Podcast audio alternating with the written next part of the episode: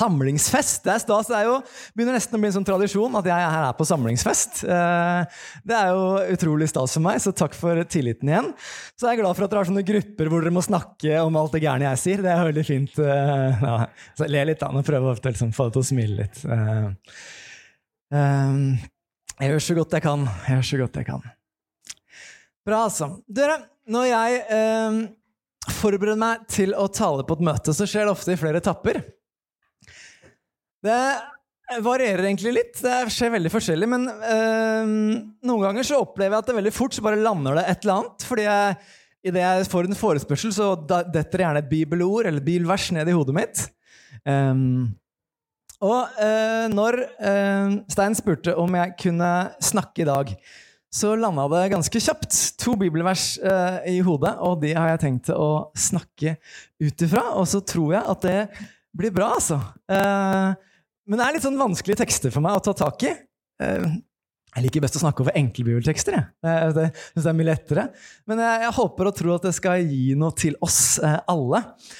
Eh, men jeg håper at du er med på en bønn til. Jeg. Selv om jeg har bedt og sunget mye, så jeg alltid, hjelper det i hvert fall meg. Så tror jeg det hjelper deg å bare stille inn hjertet og hodet også til at Gud vil si noe til deg, også i dag.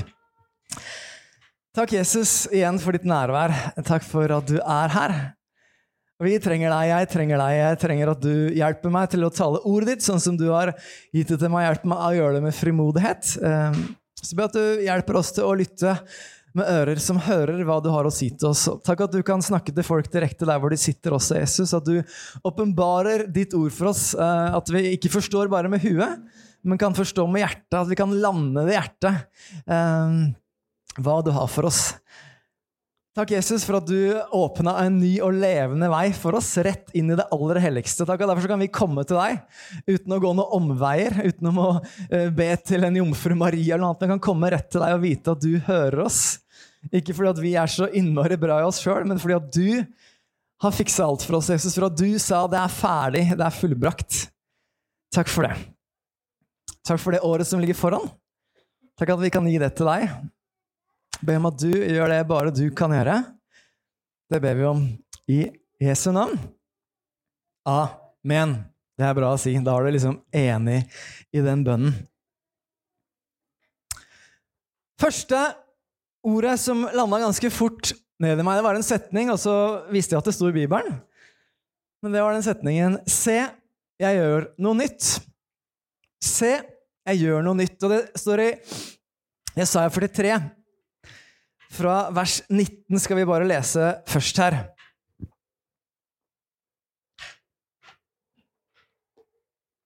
Bla det per i tillegg. I dag, faktisk.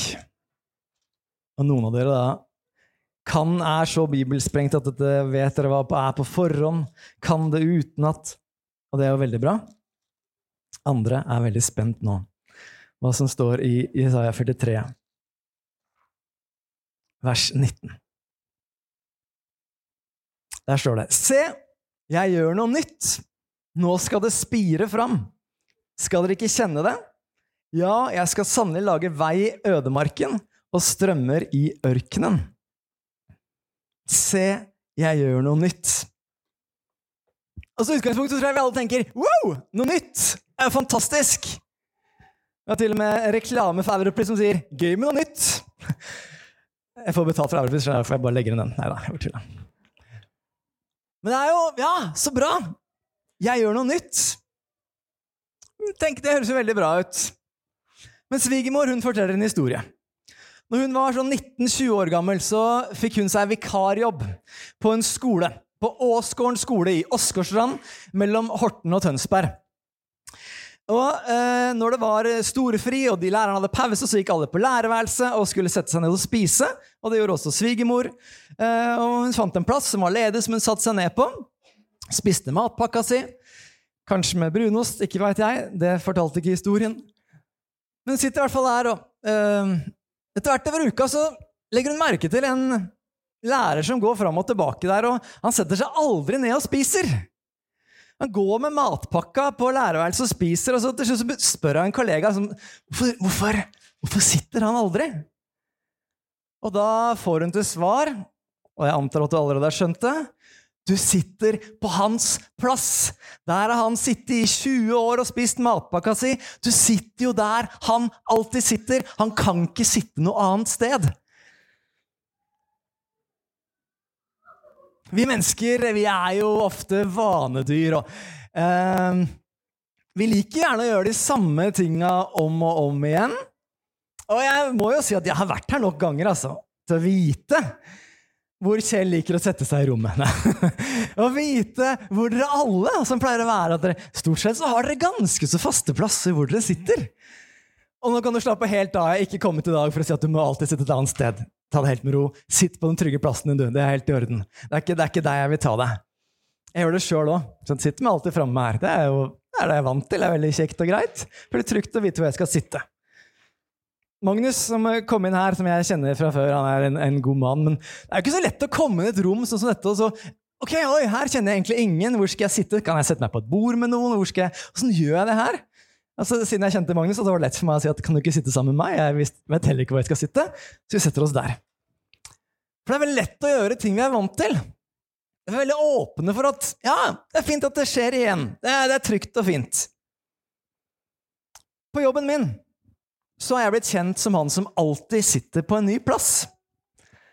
Eh, og jeg skal si litt hvorfor jeg gjør det. Eh, innimellom så er det litt frustrerende for folk, fordi at folk, kollegaene mine har jo også sine faste plasser. Eh, så jeg beveger meg en sånn hårfin linje da, på å sitte på et nytt sted. Eh, men det er fordi jeg veit at jeg er såpass vanlig, og hvis jeg alltid bare setter meg der hele tiden, så får jeg alltid det samme perspektivet. Så til slutt så blir det kjedelig for meg. For Jeg får ikke noen nye tanker om hvordan ting skal være. Og jeg merka for meg selv at på jobben, hvis jeg setter meg på et nytt stol, nytt sted, på et nytt møte, så er det lettere for meg å åpne for nye impulser. Slapp av igjen. Sitt der du alltid sitter. Det er ikke det jeg er ute etter her.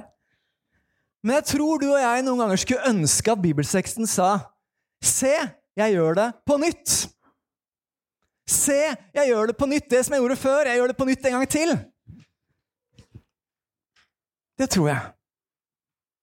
Men så står det jo Se, jeg gjør noe nytt.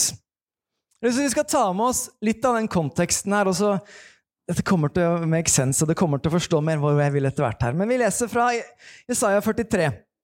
Og så skal vi lese fra vers 16 til og med vers 19. Isaiah 43, og så må du bare hoppe til 16 i stedet for.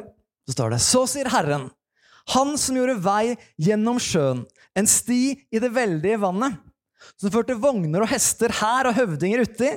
Der ble de liggende og reiste seg aldri. De sluknet som når en veke slukkes. Dere skal ikke minnes de første ting. Ikke tenke på det som hendte før. Se, jeg gjør noe nytt. Nå spirer det fram. Merker dere det ikke?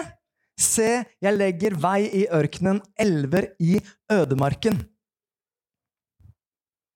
Disse ordene her ble opprinnelig gitt til israelittene som var nå i fangenskap i Babylon. Og det har vært ganske lenge i fangenskap. Ingenting hadde skjedd, og de visste ikke åssen skal dette gå. Historien til folket deres hadde også hatt uh, sin, uh, sine dårlige erfaringer med ting som hadde skjedd. De hadde gjort mange dårlige valg som gjorde at de hadde, uh, ikke hadde et gud. De hadde ikke gjort sånn som de skulle. De hadde også fått gjort urett mot seg som var urettferdig så kommer det her ordet fra profeten Jesaja. Han har jo utfridd israelittene fra Egypt. Og så blir det forklart i, i, vers 16 hvordan det her skjedde. Han som gjorde vei gjennom sjøen, eh, en sti i det veldige vannet som førte vogner og hester. Forklarer alt det der. Så han har jo utfridd israelittene før, og sier han, 'Jeg skal gjøre det igjen'. Men så står det jo i den teksten her Dere skal ikke minnes de første ting. Ikke tenke på det som hendte før. Jeg tror dette kan bety to ting for israelittene. Tror det kan bety to ting for deg og meg også. For jeg tror veldig ofte når vi ber om at Gud gjør noe nytt i menigheten vår, så har vi lett for å gå i en felle og tenke at eller gjør noe nytt i livet mitt, så tenker vi at ah, det, hvorfor kan du ikke gjøre det på nytt, det du gjorde for 10 år siden, for 15 år siden, for 20 år siden eller 40 år siden? Så det kan være fantastiske ting. Jeg tror Gud han er ute etter å gjøre noe nytt i livet vårt. Ikke la oss forvente en kopi av de tinga som han gjorde før, men kanskje han vil gjøre noe nytt. Ja, han vil nok fri deg ut på en eller annen måte, men det er ikke sikkert det skjer på samme vis som forrige gang. Og jeg tror du og jeg trenger å innstille hjertet vårt, innstille hodet vårt på å tenke at Gud han er ikke fanga i den boksen som vi ofte fanger han i. Det er innmari lett at vi liksom prøver å putte Gud i en boks og tenke at sånn skal det være, Gud. Sånn må det jo se ut når, når liksom det blir en vekkelse eller folk kommer til tros. Da må det være sånn, så kommer alle pent og pyntelig inn, inn, inn i kirkelokalet vårt, og alle er strigla og fine og tatt på seg skjorta si, og så er alt veldig flott. Sannsynligvis ikke. Jeg husker For mange år siden jeg var tenåring, som leste en, det var en roman, riktignok, men som talte enormt til meg. For det beskrev om en, om en kirke i Oslo som, som, i årevis hadde ropt til Gud om 'send vekkelse'! Som er et artig kristent ord, egentlig. Send vekkelse, Gud. Og så skjer det ting der hvor det plutselig kommer inn en gjeng. Med, med folk som, som, er punkere, og som er masse rare, ser rare ut og ser annerledes ut enn det de er vant til. Og så sier de at vi har begynt å tro på Jesus, kan vi få lov til å tilhøre her? Og så husker jeg når jeg leste den boka, så greip det meg, fordi de, de sier til svar etter å ha møttes i forsamling sier at dere passer nok dessverre ikke inn her. Og så står det en setning i boka. Og neste søndag møttes menigheten igjen og ropte om vekkelse. Se, jeg gjør noe nytt. Se, jeg gjør noe nytt. Så da, når Gud skal gjøre noe nytt, så tror jeg vi ikke må la oss fange i at Gud skal gjøre det som han gjorde før, på samme måte, men kanskje på et annet vis. En annen ting jeg tror vi kan ta ut av de versene her, det skal ikke minnes de første ting, ikke tenke på det som hendte før, så tror jeg vi kan få lov til å legge bak oss det som har vært vondt, det som har vært vanskelig. Glemme det som ligger bak, og strekke oss etter det som er der foran, som Paulus snakker om. Og jage mot det som Gud har foran. Ofte så liker jeg å bruke et, et, et, bilde når vi skal se hva som ligger foran. fordi veldig mange av oss, når vi kjører bil, så er det et sånn lite bakspeil. Et sånt speil som du skal se bak i, den, i det speilet. ikke sant? Jeg har jo hørt på det før. Når du håper at du har det. Også et lite speil som du skal kikke på for å se litt bak. Du lærer på kjøreskolen skal kikke opp der innimellom for å styre justere at ikke du lager masse kaos bak deg. Det er jo en grunn til at du skal se der, og sjekke at det liksom går bra, at det ikke kommer noen full fart opp på oppsida av deg, eller sørge for at du har kontroll i trafikken. Men det er noen mennesker som lever livet sitt som at de ser i det bakspeilet hele tida. Så drømmer man om hva som skjedde før, så tenker man tenk så fantastisk det var før, skulle ønske det bare var sånn igjen. Skal være ærlig innrømme at innimellom så har jeg tatt det sånn i eget liv også. Tenkt at å, jeg skulle ønske at jeg bare hadde det sånn. Skulle tenkt den fantastiske tida det var da. Å ja, det var fantastisk, men det trenger ikke å være sånn at det skal, samme skal skje på nytt allikevel. Kan vi ikke drømme om hva Gud vil gjøre på nytt i her i Elvebyen familiekirke i året som kommer? Kanskje vi blir overraska over hva han vil gjøre, og hvordan han vil gjøre det? Kan vi ikke drømme om å se hva han skal gjøre? Det sto det i vers 19 eller videre her Nå spirer det fram. Nå spirer det fram. Høres ikke så voldsomt ut, det. Jeg gjør noe nytt. Nå spirer det fram. Men noe som spirer fram, det tar ofte litt tid. Det Det er ikke sånn at det skjer der, sånn umiddelbart. Men når et frø kommer i jorda, så må det frøet dø, og så kan det spire fram. Kanskje Gud har lagt noe ned i deg som spirer fram, og som må få tid til å vokse. Få tid til å vokse seg stort og bli noe nytt. Merker dere det ikke, sier han. For kanskje det er så lite at du ikke engang klarer å ense det. Ikke klarer å se det fordi det Gud har starta. Ser kanskje så lite ut, men ikke ringeaktig små begynnelser, står det også i Bibelen. Ikke se ned på det som er lite, for det begynner i de små for å bli større. Så står det videre Ja, jeg legger vei i ørkenen. Elver i ødemarken. En vei i ørkenen eller en elv i ødemarken er litt kraftigere enn det som spirer fram, kanskje. Nå har ikke jeg ferdes veldig masse i en ørken. Jeg er ganske lite, sånn i hvert fall fysisk ørken. Jeg har vært ganske lite i fysiske ørkener. Men jeg har skjønt en ting jeg har sett på film. Dette har jeg lært om ørken fra film. Jeg har ikke hvilken film, for det husker jeg ikke. Men at hvis du går inn i en ørken, hva skjer da? Du blir ganske sånn desillusjonert. Det er vanskelig å vite hvor du er, det er vanskelig å vite hvor du skal, det er vanskelig å vite hvor du kommer fra. Det er vanskelig å vite noe som helst, fordi at i en ørken så er det tørt. Spora du har kanskje gått en gang før, de er blåst igjen. Men står det her Jeg skal legge en vei i ørkenen. Skal lage elver i ødemarken hvor det ikke er noe elv. Ja, vi har kanskje fått litt for mye elv i det siste, her sånn fysisk eh, sett, da. Men vet du hva? Kan at livet ditt i det siste opplevdes som en ørkenvandring? står det i teksten at jeg skal lage en vei i ørkenen. Hvis du får en vei i ørkenen, da veit du hvor du skal gå. Da veit du hvor du skal komme deg hen. Jeg tror det fins folk her inne som kjenner at du, livet har vært en ørkenvandring. Jeg trenger en vei i ørkenen min. Jeg trenger å se hvor jeg skal gå, for jeg aner ikke noen ting. Jeg føler meg så desillusjonert. Gud, han tror jeg vil legge en vei i din ørken. Strengt tatt så har han allerede gjort det.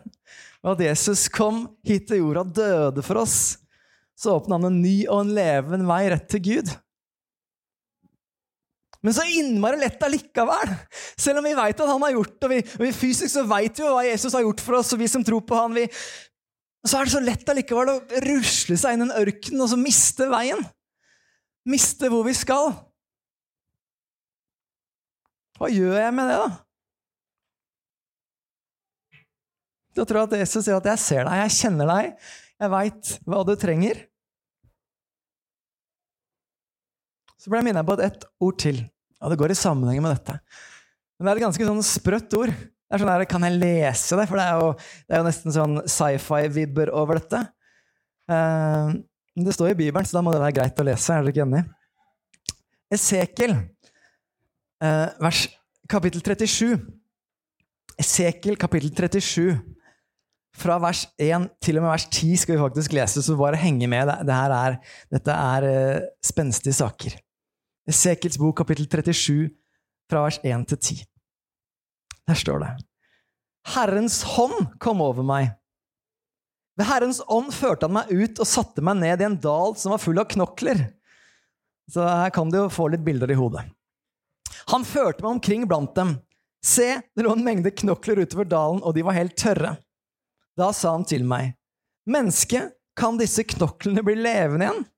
Jeg svarte, Min Herre og Gud, det vet bare du.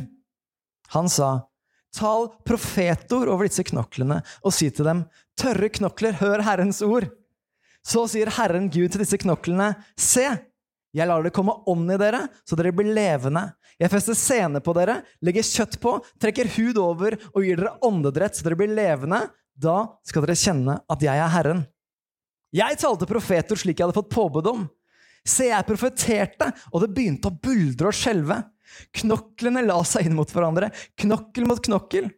Jeg så og se, det kom senere og kjøtt på dem, og hud ble trukket over. Men ånd manglet de. Da sa han til meg, tal profetord til ånden. Mennesket talt profetisk og si til ånden, så sier Herren Gud, kom ånd fra de fire vindretninger og blås på disse drepte, så de blir levende. Jeg talte profetord slik han hadde befalt meg. Da kom det ånd i dem, så ble de levende. De reiste seg opp og sto på føttene. Det var en umåtelig stor hær. Jeg pustet liv i de døde bein. De versene her er nok først og fremst profetord eh, om, om gjenopprettelsen av staten Israel. Men jeg tror også disse orda kan være ord til deg og meg i dag. Den setningen som falt i hodet på meg når jeg eh, fikk at jeg skulle snakke på samlingsfesten, var den setningen, siste setningen vi leste. Jeg pustet liv i de døde bein. Jeg pustet liv i de døde bein. For meg så linka dette her til ørkenvandringen. For det kan hende at vi innimellom kommer på et spor i vårt liv med Jesus som blir bare sånn repetisjon, at vi til slutt ender opp med å føle oss som døde bein. At det vi gjør, er ikke noe mer enn sånn sporadisk rutine. At vi, vi, vi, gjør noe på Ja, jeg går jo på møte på søndager, og vi, vi ber jo sammen på kvelden, og det er det greiene vi gjør. Og så mister vi livet. Så mister vi den relasjonen som vi kanskje en gang hadde, som vi trenger å gjøre noe med igjen. Jeg tror Gud vil puste liv i deg på nytt, hvis du opplever at det er sånn. Hvis du opplever at, at det er livet med Gud, det er blitt som det er døde bein, at du ikke ah, kjenner at det funker. Tror jeg, Gud, vet du, jeg puster liv i deg på nytt. Jeg er her. Jeg vil gjøre noe nytt i deg. Det kan ligne på det som var før, men det er noe nytt jeg vil gjøre i deg. Så tror jeg også at disse orda her utfordrer deg, i hvert fall utfordrer meg på en ting. Og det er de versene som står i vers 4 og vers 9. Der sier det i vers 4 og vers 9 så står det i vers 4 først Han sa, tal profetord over disse knoklene og si til dem, tørre knokler, hør Herrens ord. I vers 9 så står det Da sa han til meg, tal profetord til ånden, menneske, tal profetisk og si til ånden. Så sier Herren Gud, kom ånd fra de fire vindretninger og blås på disse drepte, så de blir levende. Jeg tror du og jeg som tror på Jesus Kristus, jeg tror vi kan tørre enda mer eh, om du syns det er vanskelig at jeg skal tale profetisk, og tørre å si Guds sannheter over situasjoner. Tørre å si 'ja, jeg skjønner' at fysisk sett så ser omstendighetene ganske gærent ut. Men Bibelen, Guds ord, sier at når Gud er for meg, hvem kan da være imot meg? Jeg har bestemt meg for at jeg i det kommende året så vil være mer frimodig i bønnene mine. Så jeg vil være enda mer frimodig når jeg ber for denne byen. Jeg er enda mer frimodig når jeg, når jeg ber for venner som ennå ikke tror. Så tal profetisk og si 'bli liv'. Du og jeg som tror på Jesus, vi kan snakke Guds ord over situasjoner. Over folk. Over ting som skal skje. Å proklamere. Det er jo et ganske kraftig ord, men å si Guds sannheter. Dette sier Guds ord. Dette sier Guds ord om meg. Den sangen som disse barna her sang i stad Hvis man kan få det på innsida Jeg er perfekt sånn som du har skapt meg. Tenk, om Hvis man kan lære denne byen, denne ungdommer som vokser opp her uten Gud og uten håp, at de er elska i Guds øyne Kan ikke vi som fellesskap sammen be for denne byen her og tale profetisk og si vet du, du er elska? Vi ber om at folk i denne byen skal se at de er elska av en Gud som elsker de betingelsesløst. Så kan det hende det dukker opp folk her som kanskje ikke er ferdig pene og pyntelige, som funker fint inn her, som har på seg blåskjorte, og alt er fint. Det kan hende at du og jeg må brette opp armene litt og si ok, ja, jeg er klar, jeg. Til å være med deg i reisen din. Klar til å være med deg og se hva Gud vil gjøre i livet ditt. Få se, jeg gjør noe nytt. Ah, Arild, må jeg ta meg sammen? Nå må jeg skjerpe meg. Nå må jeg liksom prøve å ta meg sammen. Og da tror jeg da, og veit jeg at du som kjenner meg, jeg vet at jeg vil ikke ta deg dit. Jeg tar deg aldri dit at jeg tror du må ta deg sammen og du må fikse tinga sjøl. Fordi de gangene jeg har prøvd å ta meg sammen og fikse tinga sjøl, så er jeg ganske disiplinert type, så det funker en stund. Men det funker ikke forever. Men jeg elsker at det vi kan gjøre, det er å komme til Jesus. Andre Korinterbrev 12, vers 9. Jeg har lest her mange ganger før, og det er nok fordi det er et av mine favorittvers i hele Bibelen. Og jeg er snart ferdig for deg som lengter etter kaker. Andre Korinterbrev, kapittel 12, vers 9. Så står det noen fantastiske vers det er det Paulus som har strevd litt. Han har bedt Gud om å bli kvitt en plage som han stadig vekk går igjen. Og så sier Gud til Paulus Han sier det til deg, han sier det til meg. Men han svarte, Min nåde er nok for deg, for kraften fullendes i svakhet. Min nåde er nok for deg, for kraften fullendes i svakhet.